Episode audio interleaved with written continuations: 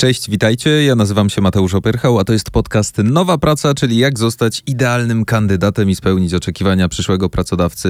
Mm, to już kolejny odcinek w tym cyklu. Nasi eksperci pomagają nam w najtrudniejszych momentach związanych z podjęciem nowej pracy. Stworzyliśmy CV.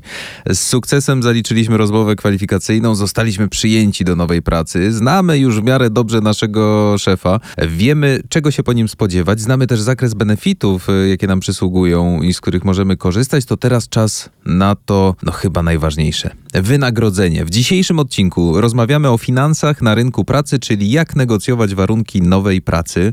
Podjęcie ścieżki zawodowej łączy się nie tylko no, z samorozwojem, wydłużeniem swojej kariery, ale też umówmy się, no szukamy lepszej pracy, by zarabiać więcej i żyć swobodnie. Jak zatem ocenić swoją wartość i przekonać pracodawcę, by dał nam uczciwą pensję? No spodziewam się dziś bardzo cennych odpowiedzi. Moimi i waszymi gośćmi gośćmi są, bo dziś po drugiej stronie duet, Agnieszka Olszewska, Head of HR grupy OLX. Cześć Aga. Cześć, witajcie. I Anna Pruczkowska, menadżer zespołu rekrutacji grupy OLX. Cześć ponownie Aniu.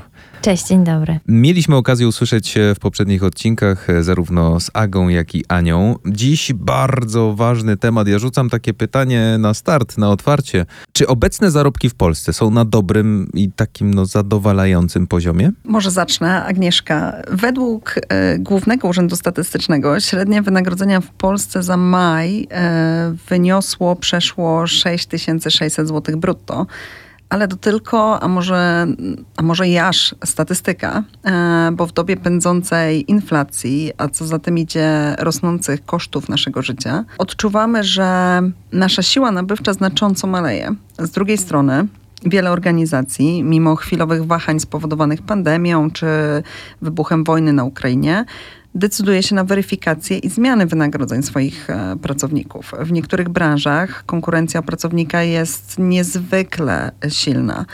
A co za tym idzie? Oferowane wynagrodzenia i świadczenia dla pracowników muszą być konkurencyjne względem rynku, no i oczywiście odpowiadać e, potrzebom pracowników. E, nie inaczej jest w naszej organizacji, w grupie OLX. Przede wszystkim cały temat wynagrodzeń i ocena takiej kondycji rynku pracy to jest kwestia zależna od wielu czynników, takich jak e, na przykład branża, czy konkretne stanowisko pracy, czy sytuacja rynkowa w danym obszarze, tak jak właśnie Agnieszka wspomniała.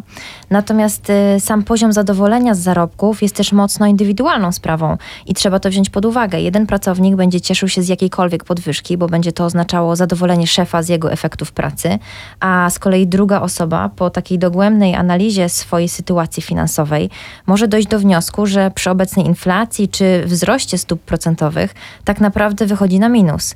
E, moim zdaniem, ilu pracowników, e, tyle opinii. I ten etap negocjacji e, wynagrodzenia, bo zawsze do niego dochodzi. Mm, no jesteśmy teraz w momencie rekordowej inflacji, stopy procentowe rosną praktycznie co tydzień na nowej konferencji prezesa NBP.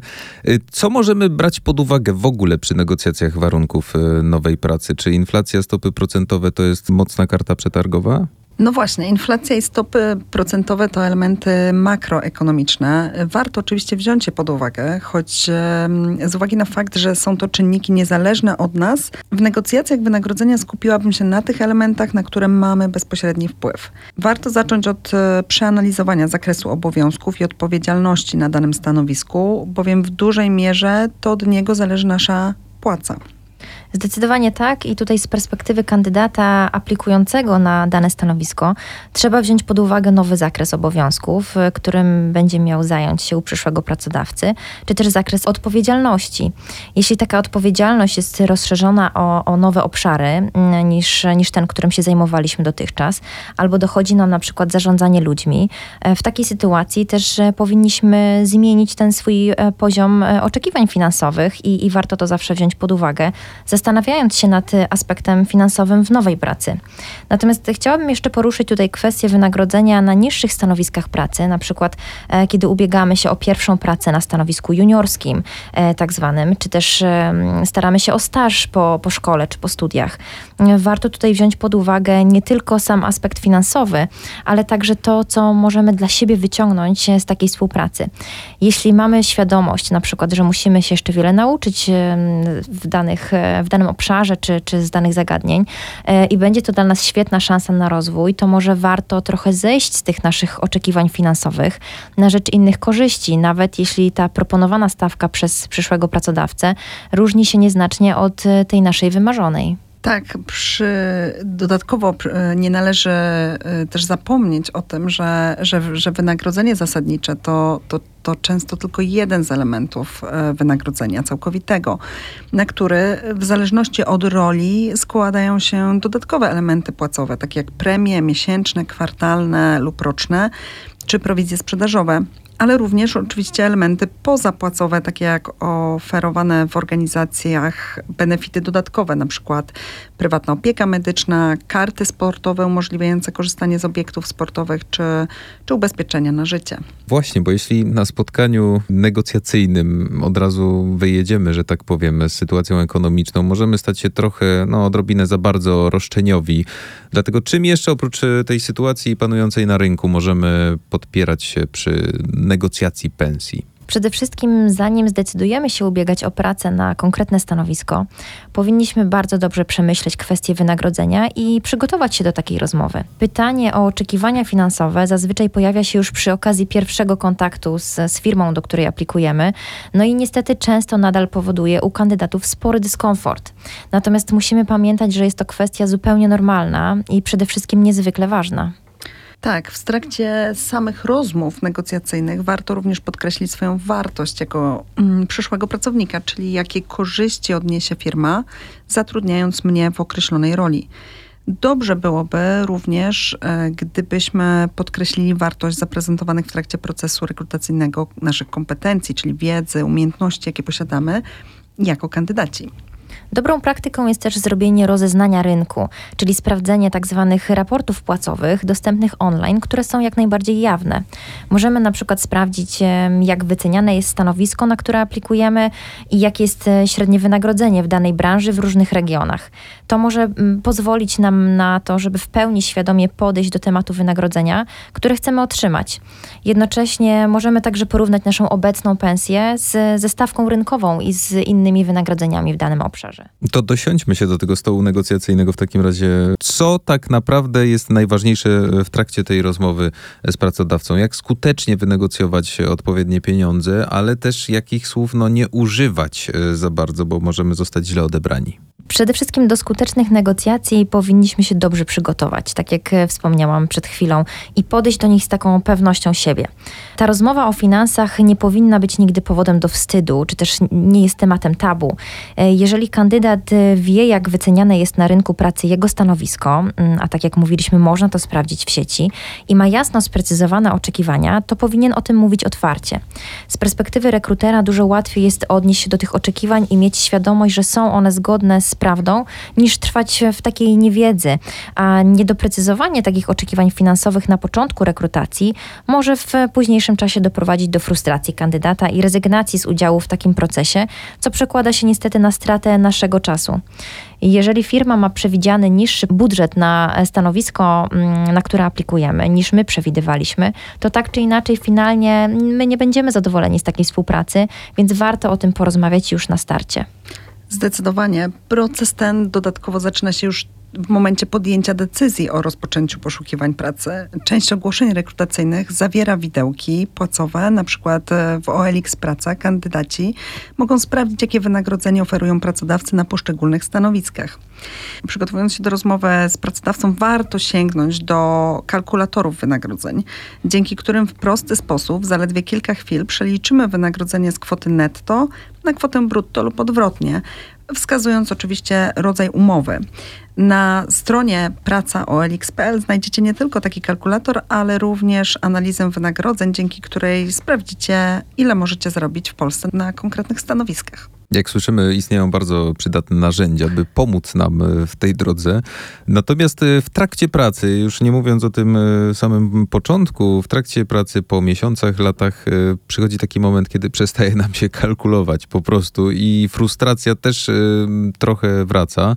I rozmyślamy o podwyżce, bo jesteśmy cenni, bo mamy dość wysoką samoocenę i, i jesteśmy pewni, że nam się po prostu ta podwyżka należy.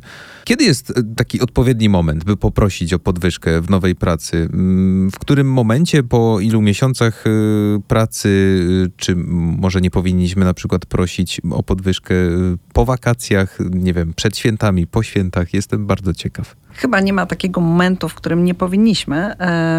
Zawsze mówię o tym, że to zależy od nas samych, kiedy chcemy o tym porozmawiać. Natomiast większość dużych organizacji ma ustalony, określony rytm weryfikacji wynagrodzeń, e, który nierzadko powiązany jest z systemem ocen okresowych. Dzięki takiemu rozwiązaniu wspieramy ideę wynagradzania za osiągnięcia. W grupie OLX mamy system ocen rocznych, a moment rozmowy z przełożonym odnośnie wyników pracy w minionym okresie jest wprost idealny, by rozpocząć e, dyskusję o uposażeniu za wykonywaną pracę. Jeśli jednak czujecie, że wynagrodzenie otrzymywane za wykonywaną przez Was pracę jest nieadekwatne lub niesprawiedliwe, nie ma na co czekać. E, po prostu rozpocznijcie dyskusję ze swoim przełożonym już dziś.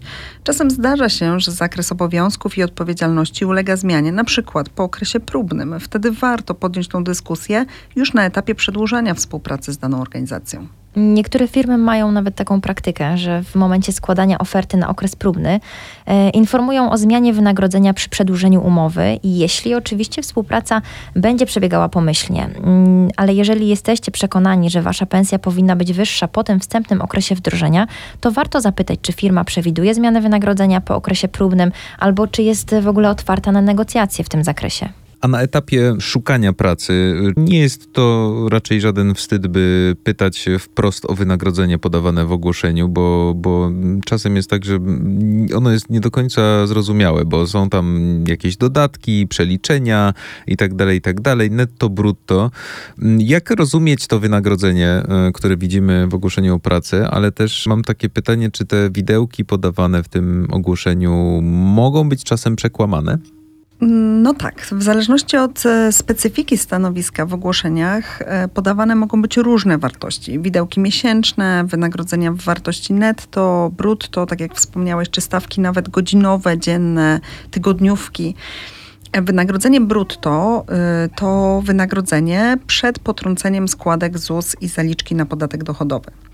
Wysokość tych potrąceń zależy m.in. od rodzaju umowy. E, w przypadku umów o pracę wszystkie składki ZUS, emerytalna, rentowa, chorobowa i zdrowotna są obowiązkowe, a przy umowach e, cywilnoprawnych na przykład składka chorobowa jest dobrowolna.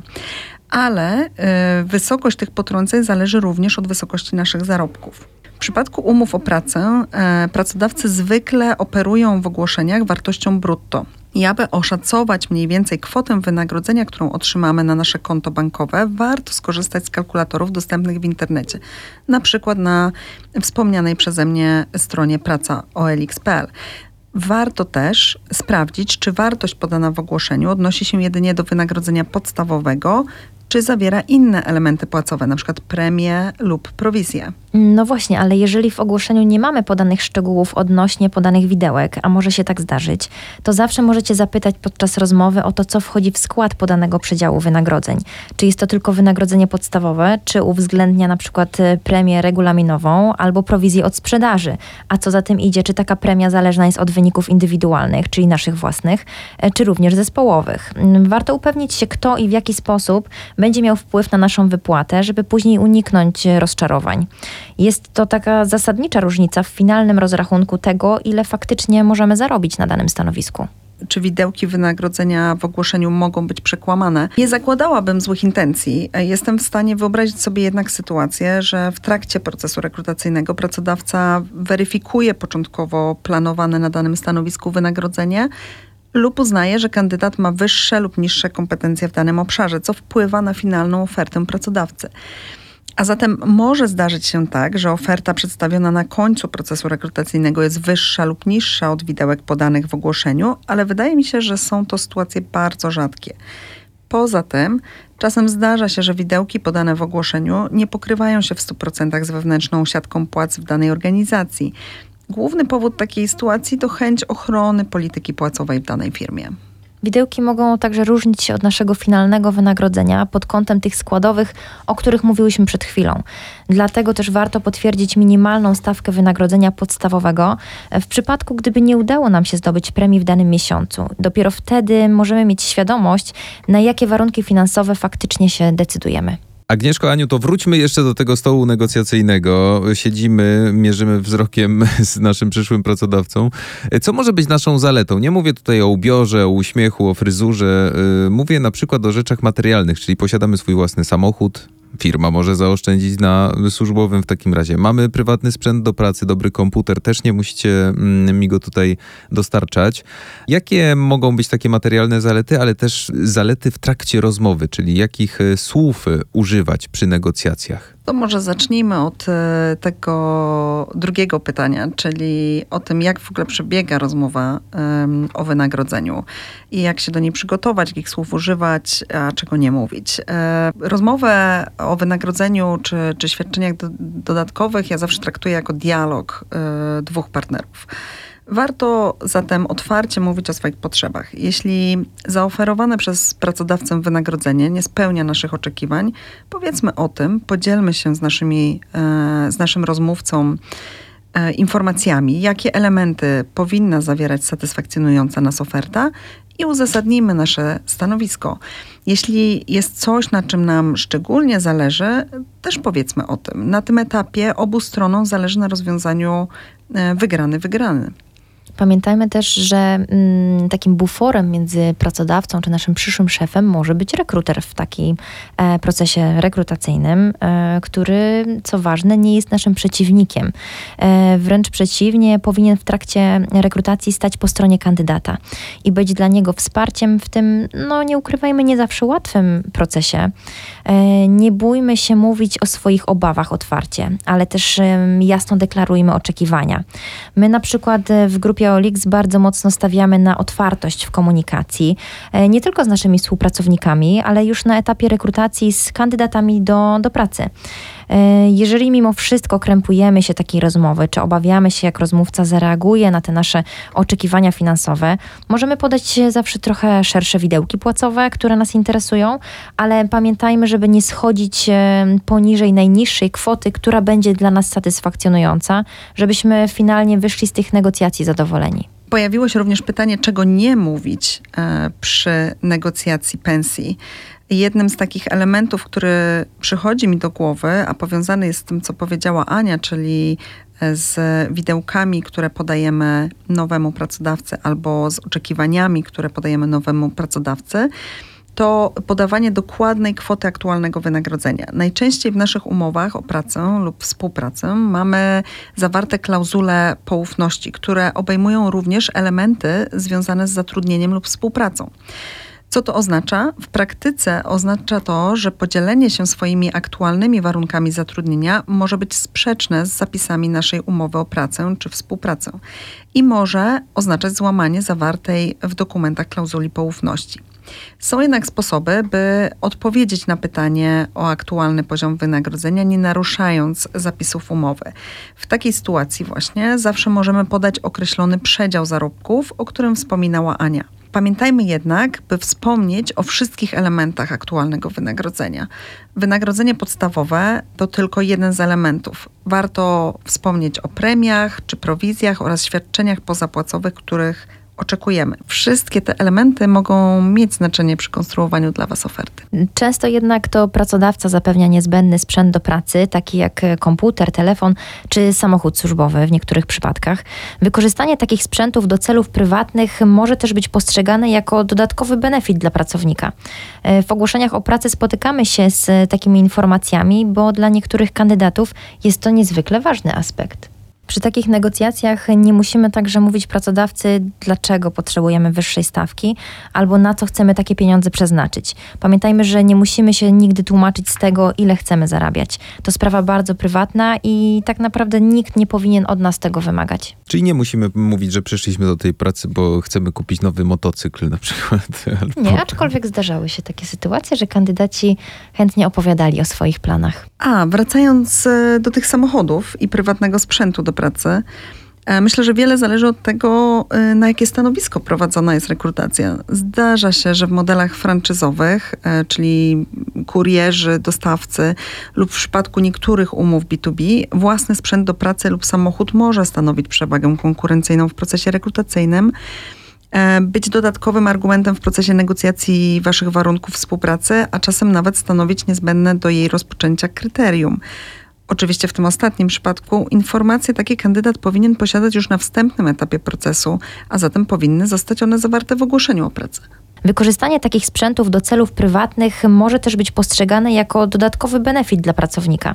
E, w ogłoszeniach o pracę spotykamy się z takimi informacjami, bo dla niektórych kandydatów jest to niezwykle ważny aspekt. Agnieszko, Aniu, dobrze, wiemy już wszystko. Przekalkulowaliśmy sobie za pomocą różnych e, narzędzi, ile powinniśmy zarabiać, ile możemy naprawdę zarabiać e, zgodnie z naszą wartością. Co oprócz e, tych, no powiedzmy wprost, pieniędzy przelewanych na konto, czego możemy się spodziewać od pracodawcy, za co powinien zapłacić pracodawca tak naprawdę w naszym przypadku? Myślę tu o świadczeniach zdrowotnych i na przykład ubezpieczeniu. Warto pamiętać o tym, że na samym początku współpracy pracodawca powinien zapłacić za badania medycyny pracy, na podstawie których dopuszczeni jesteśmy do pracy na konkretnym stanowisku. W trakcie trwania umowy wszelkie badania lekarskie, czy to wstępne, czy okresowe, czy kontrolne, wykonywane są zawsze na koszt pracodawcy, więc pamiętajmy o tym. Dokładnie. E, dodatkowo w momencie rozpoczęcia współpracy pracodawca będzie potrącał z waszego wynagrodzenia odpowiednie składki ZUS. W przypadku umów o pracę, tak jak wspominałam, wszystkie składki emerytalne, rentowe, chorobowe i zdrowotne są obowiązkowe. W sytuacji współpracy w oparciu o umowy cywilnoprawne, potocznie zwane zleceniem, e, składka chorobowa jest dobrowolna. W Polsce e, za ubezpieczenie zdrowotne odpowiada Narodowy Fundusz Zdrowia, do którego przekazujemy składkę zdrowotną. Ubezpieczenie zdrowotne obejmuje świadczenia opieki zdrowotnej, m.in. wizyty lekarskie, zabiegi, pobyty w szpitalu czy refundację recept niektórych środków leczniczych. Nie obejmuje jednak wypłaty zasiłków chorobowych i macierzyńskich. Te są finansowane z ubezpieczenia chorobowego, na które również pracodawca będzie odprowadzał e, składki. Każdy, kto jest objęty obowiązkowym lub dobrowolnym ubezpieczeniem zdrowotnym, ma prawo do zatem doświadczeń opieki zdrowotnej. Mam wrażenie, Agnieszko i Janiu, że ten odcinek będzie no, takim dekalogiem, który mm, powinniśmy sobie odtwarzać. Najlepiej sobie go gdzieś tam nagrać, e, zostawić e, w ulubionych i odtwarzać krok po kroku, bo uzyskaliśmy bardzo dużo cennych informacji, jak e, negocjować warunki nowej pracy, ale też o tym, co nam się tak naprawdę należy i jak powinien zadbać o nas pracodawca. Bardzo, bardzo, bardzo dziękuję ze swojej strony i na pewno słuchaczy również. Moimi waszymi gośćmi były Agnieszka Olszewska, Head of HR grupy OLX i Anna Pruczkowska, menadżer zespołu rekrutacji grupy OLX. Agnieszko, Aniu, dziękuję. Dziękujemy. Dziękujemy bardzo. Słuchaliście podcastu Nowa Praca, czyli jak zostać idealnym kandydatem i spełnić oczekiwania przyszłego pracodawcy. Jestem przekonany, że nie dość, że jesteście idealnymi kandydatami, to jeszcze spełnicie te wszystkie oczekiwania po wysłuchaniu wszystkich tych cennych informacji, jakie tutaj padły. Agnieszka, Ania, raz jeszcze dziękuję. Mateusz Opyrchał, do usłyszenia.